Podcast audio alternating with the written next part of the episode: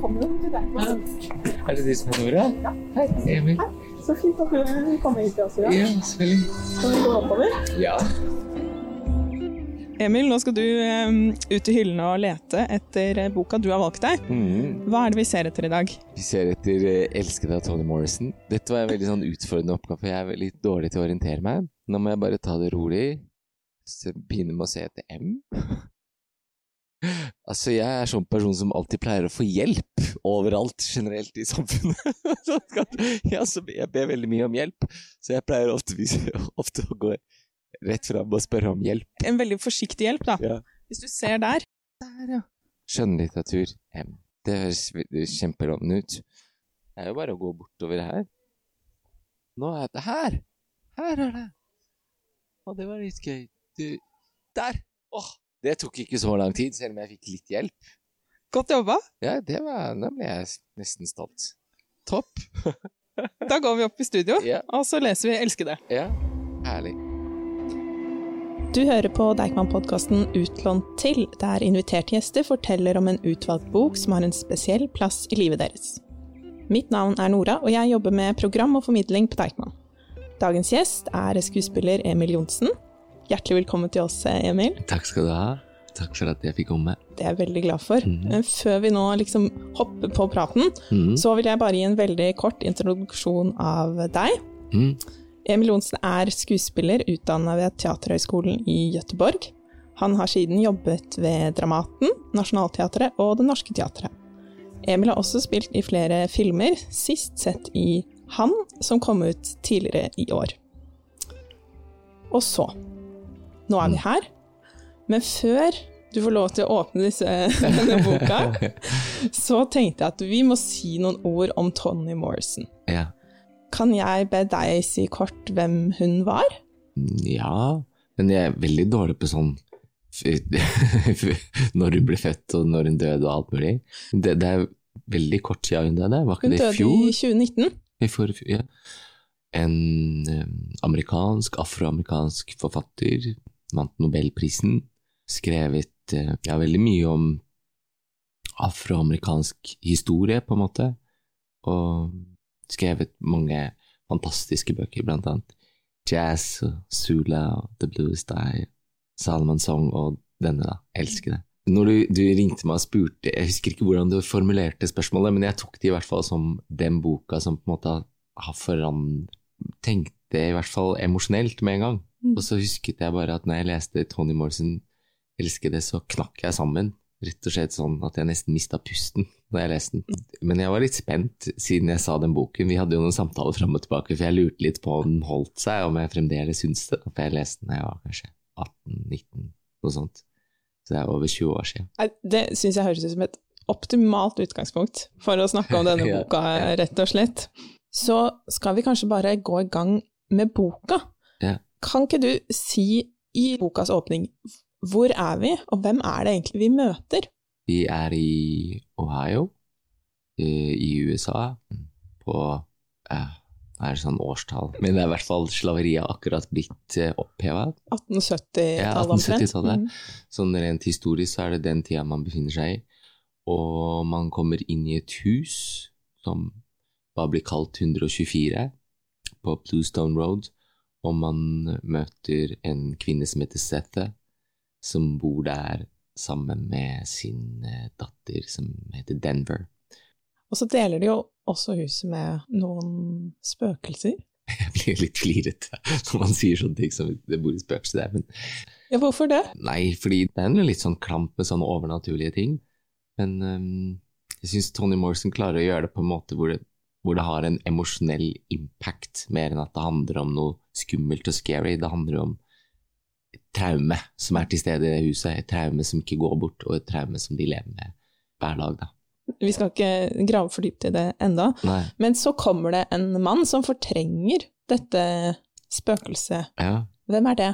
Det er en mann som heter eh, Paul D, som Seth eh, og Paul har eh, bodd på samme gård, da, vært slaver på samme gård.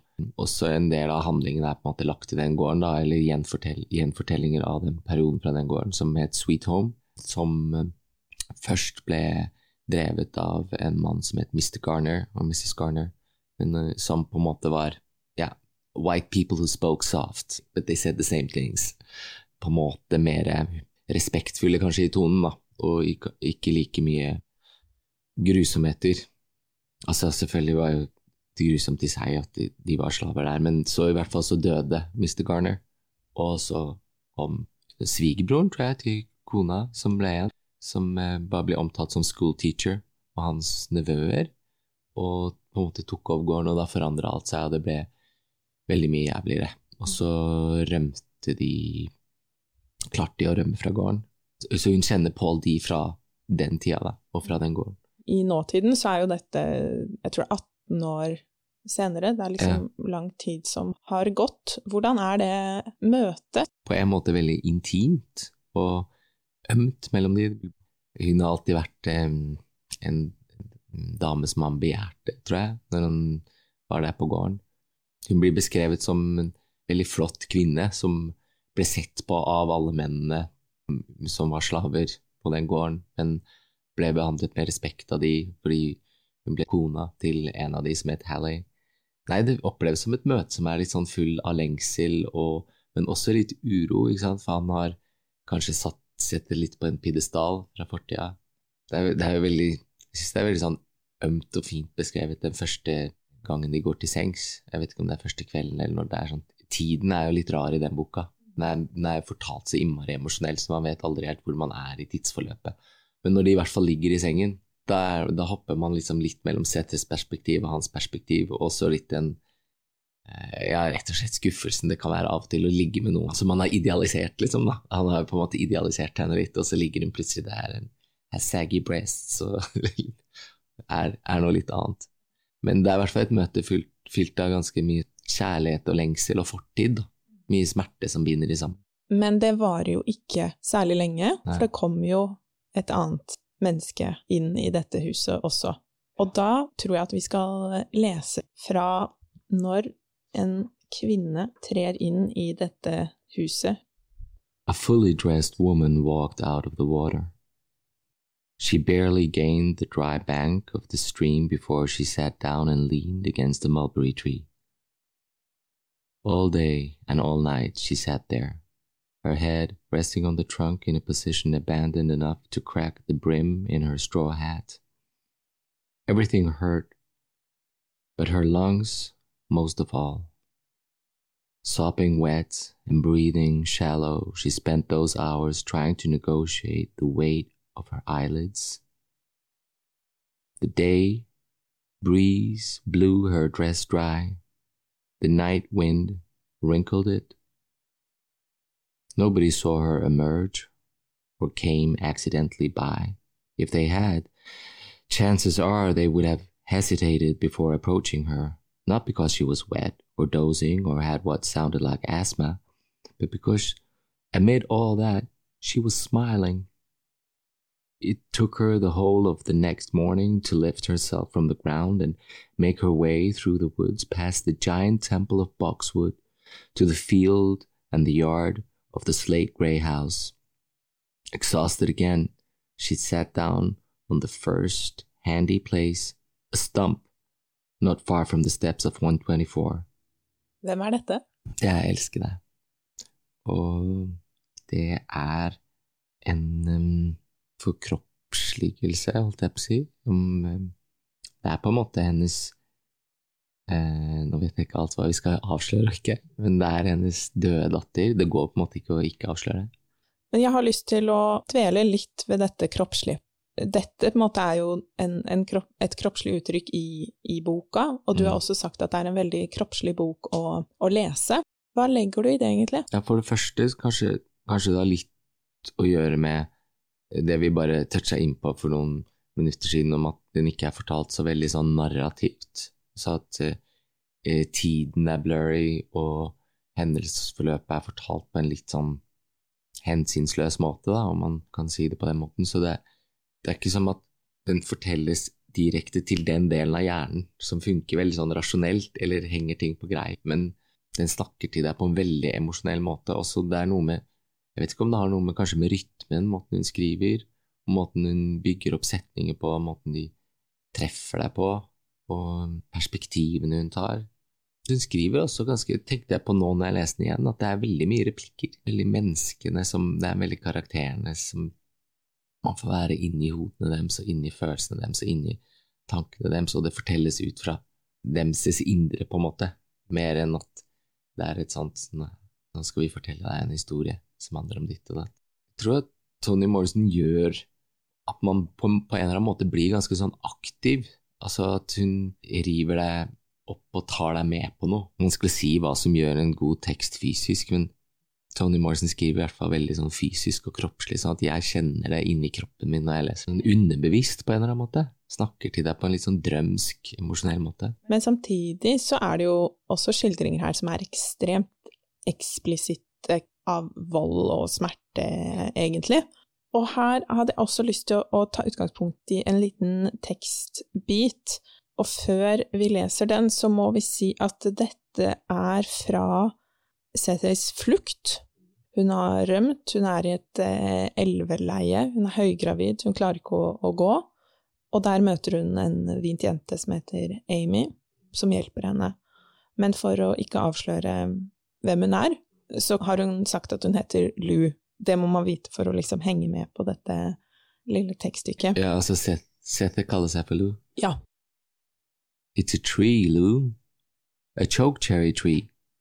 See, here's the trunk. It's red and split wide open, full of sap, and this here is the parting for the branches.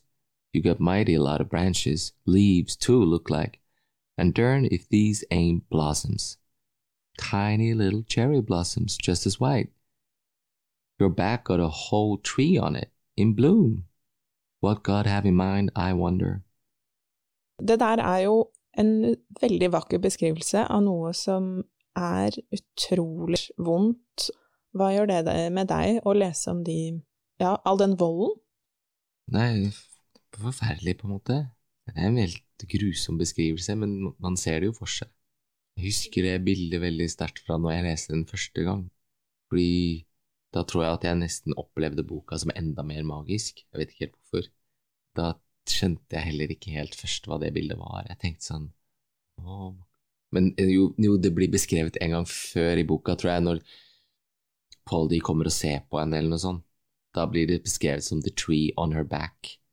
Da blir det ikke gitt en forklaring. I denne scenen blir det jo gitt en forklaring. Og så da tenkte jeg sånn Hæ, skal det være enda mer weird i denne boka? Liksom er det et tre som vokser på ryggen hennes? Når jeg leste i boka igjen nå, så ble jeg litt sånn også skjærrig på sånne ting, så jeg googla det litt. Det er jo noen sånne helt forferdelige bilder som fins, faktisk. Man. Så kan man se noen mennesker som har opplevd å være slaver, som har arr på ryggen som ser nesten sånn ut, for de grener seg liksom ut og er så hovne at det kan se ut som greiner. Mm. Og nettopp det at du kan google og se ekte mennesker, mm. og på en måte alle de hva skal man si, rammene, da. Mm. Eh, for det er jo en del sånn altså, faktiske regler når det kommer til slavehandel og sånn, som er med på å forme disse menneskene som vi leser oms historier, mm. Eh, som, som, var helt reelle lover i USA på den tiden. Ja. Har det noe betydning for deg at det er en, en historie med en rot i en faktisk virkelighet? Ja, det syns jeg er veldig.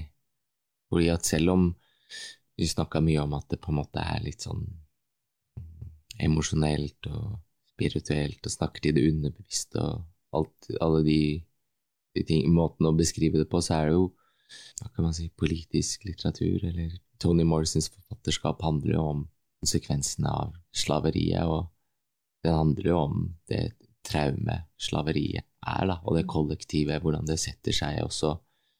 Ja, Apropos kropp, da, hvordan det setter seg i, i kroppen og fins i. Jeg leste noe om det for for ikke så lenge siden, husker jeg, om noe sånn forskning om hvordan sånne type traumer også sitter i genene. Er det det som kalles epigenetikk? Jeg tror det. Ja, Det er jo unødvendig kanskje å dra de referansene, men alt som har skjedd i det siste med Black Lives Matter og alt mulig Man har jo hatt eh, en, ny, en slags ny oppvåkning da, til hvordan systematisk rasisme er så til stede, så aktuelt, så fysisk på kroppen til mennesker. Mm som et konstant fysisk overgrep, på en måte. da. Mm. Kjenne den trusselen. fra politiet, eller den utryggheten i livet. Nei, det tror jeg setter en sånn bok som dette i både i perspektiv og gjør den på en måte enda mer relevant, da. Men det er rart også hvordan ting bearbeider Altså apropos sette seg i kroppen og liksom gå gjennom generasjon, for moren min er jødisk, og hennes familie så hennes mor og hadde søster og masse familie som ble drept i Auschwitz og konsentrasjonsleir, og hele den historien merker jo jeg lever i moren min som et slags traume, for hun, hun vokste opp med en mor som igjen ikke klarte å snakke om ting, som hver gang man skulle snakke om det, begynte å gråte, som har jo påvirket moren min i sin tur, som også en slags rester av et ekko av en historie om, som man bærer med seg. For å komme litt eh, tilbake til denne historien. Vi har eh, så vidt eh, nevnt dette store traumet, som kommer litt sånn snikende på hvis du unngår å lese baksidetekst.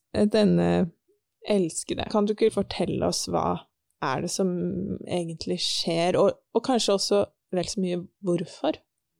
Apropos tittelen og apropos tematikken, så er jo sett mange ting. Hun er en morder, hun er en, også en heltinne, hun hun er en som har ofret seg helt holden for barna sine. Det er beskrevet et sånn kort tilbakeblikk eller et minne fra gården, hvor hun gikk forbi eh, en sånn låve, og så han da som het school teacher, som underviste sine nevøer, og brukte henne som eksempel. Han skulle lære dem om characteristics, og da var det liksom human characteristics og animal characteristics. Og når da hun ble omtalt med animal characteristics som et slags lærebokseksempel for hva fargede mennesker var for noe, da, det endret noe i henne. Og hun kunne ikke med at hennes barn skulle bli omtalt som dyr. Og hun kunne ikke med at hennes barn skulle bli voldtatt som hun, og slått som hun, og pisket som hun. Men så hun klarer til slutt å, å rømme da, med, med, barna sine, og hun klarer også på mirakuløst vis alt hva man kan tenke seg i sin fantasi av vanskeligheter, klarer hun til slutt å komme fram til her, det her huset hvor svigermoren hennes bor, og være fri, da, og ikke være slave. Men så var det vel sånn lover på den tida at uh, hvis man hadde rømt som slave, så hadde man som slaveeier rett til å dra reistid fra Kentucky opp til Ohio og leta da etter slaver som hadde rømt. Og så er Seth der i det huset med svigermoren sin og alle barna sine, og så ser hun de komme mot gården. Uh, school teacher, som han blir kalt, og de andre slave catchers. Og da rasker hun med seg barna sine inn i skjulet for å ta livet av dem. Hun rekker, eller klarer bare å ta livet av én, da. Den eldste av de to babyene hennes. Hun har en helt ny baby, og en, en baby som allerede krabber, som hun klarer å ta en sag og skjære over halsen på som Man får jo fortalt det på en sånn måte i boken at før man skjønner, i hvert fall før jeg skjønte, så er man så inne i Settes smerte og Settes kjærlighet at på en eller annen måte forstår handlingen, da. Eller For du blir jo Man blir jo helt slått i bakken når det blir sagt eksplisitt ut, men du, du opplever allikevel at du forstår det. Jeg tror at Tony Morrison ville ta det perspektivet også for å ta et perspektiv til et resultat av hva den konsekvente umenneskeliggjøren og volden gjør med mennesker. At for henne var det helt logisk, det var mye bedre for de barna å gå over til den andre siden. da. Var jo så religiøs og tenkte at da, de, da skal de være sammen på den andre siden. Det var mye bedre enn å, enn å bli tatt og være slave igjen. She had the right, but it wasn't righteous. Det, altså, hva kan man si? Det, det ene gjør Altså, det at det er en helt umenneskelig og grusom Jeg vet ikke alltid hva det ordet umenneskelig betyr, eller Fordi hva er Altså, ja. Stadig vekk så gjør jo mennesker handlinger som tydeligvis er menneskelige, da, siden mennesker utfører de. Så det er også en sånn måte å nekte å forstå ting på, og kalle de umenneskelige, som jeg ikke helt liker. men den, det, det, er jo helt, helt forferdelig grusom, men kanskje veldig menneskelig handling hun gjør. Hun, hun, gjør det hun opplever er å redde barna sine. Mm. Hun, hun, gjør det hun opplever er å redde dem fra det verste, verste mulige Ikke et liv engang, som hun opplever det å bli Å ikke være et menneske. Altså, de, for, de, de fortellingene som kom, kommer inn av livet som slave, gjør at man, når man leser denne veldig emosjonelt skrevne boka, forstår at for Seth så var det det å bli hentet tilbake som slave Hun hadde jo tenkt å ta livet av seg selv også. Det var ikke bare at hun ville drepe barna, hun tenkte å ta livet av alle, så de slapp unna det livet. Det er jo det som gjør boken så smertefull også, at man på en måte elsker jo Sette. Hun blir beskrevet og fortalt om på en måte som man elsker henne.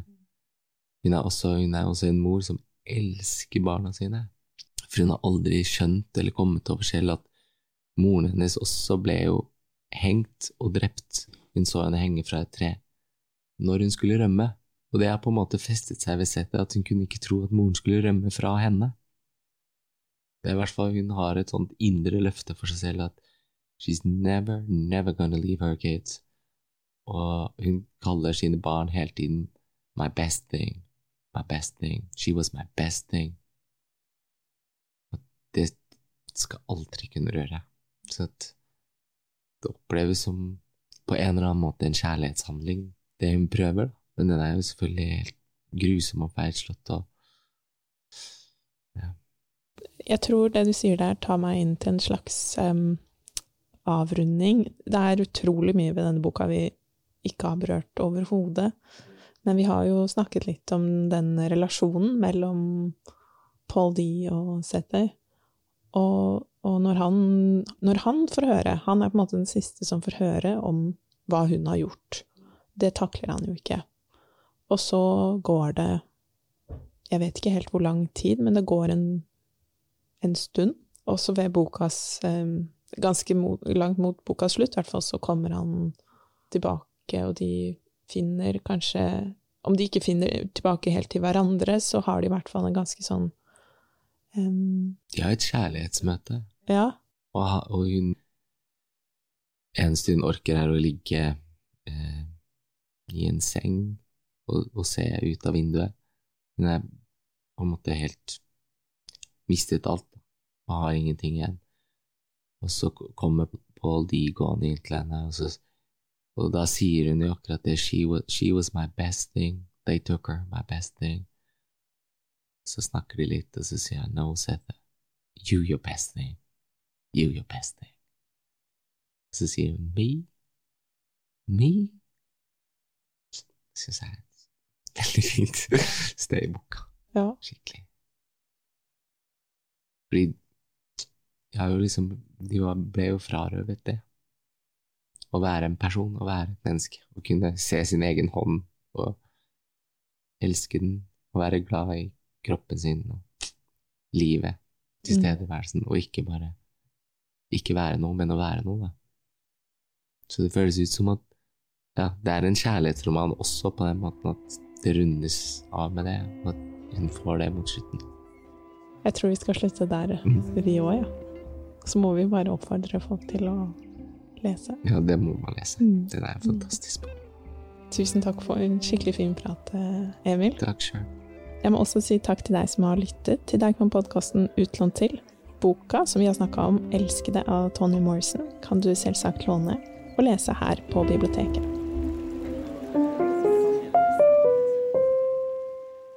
Dette er en podkast fra Deichman, hele Oslos folkebibliotek.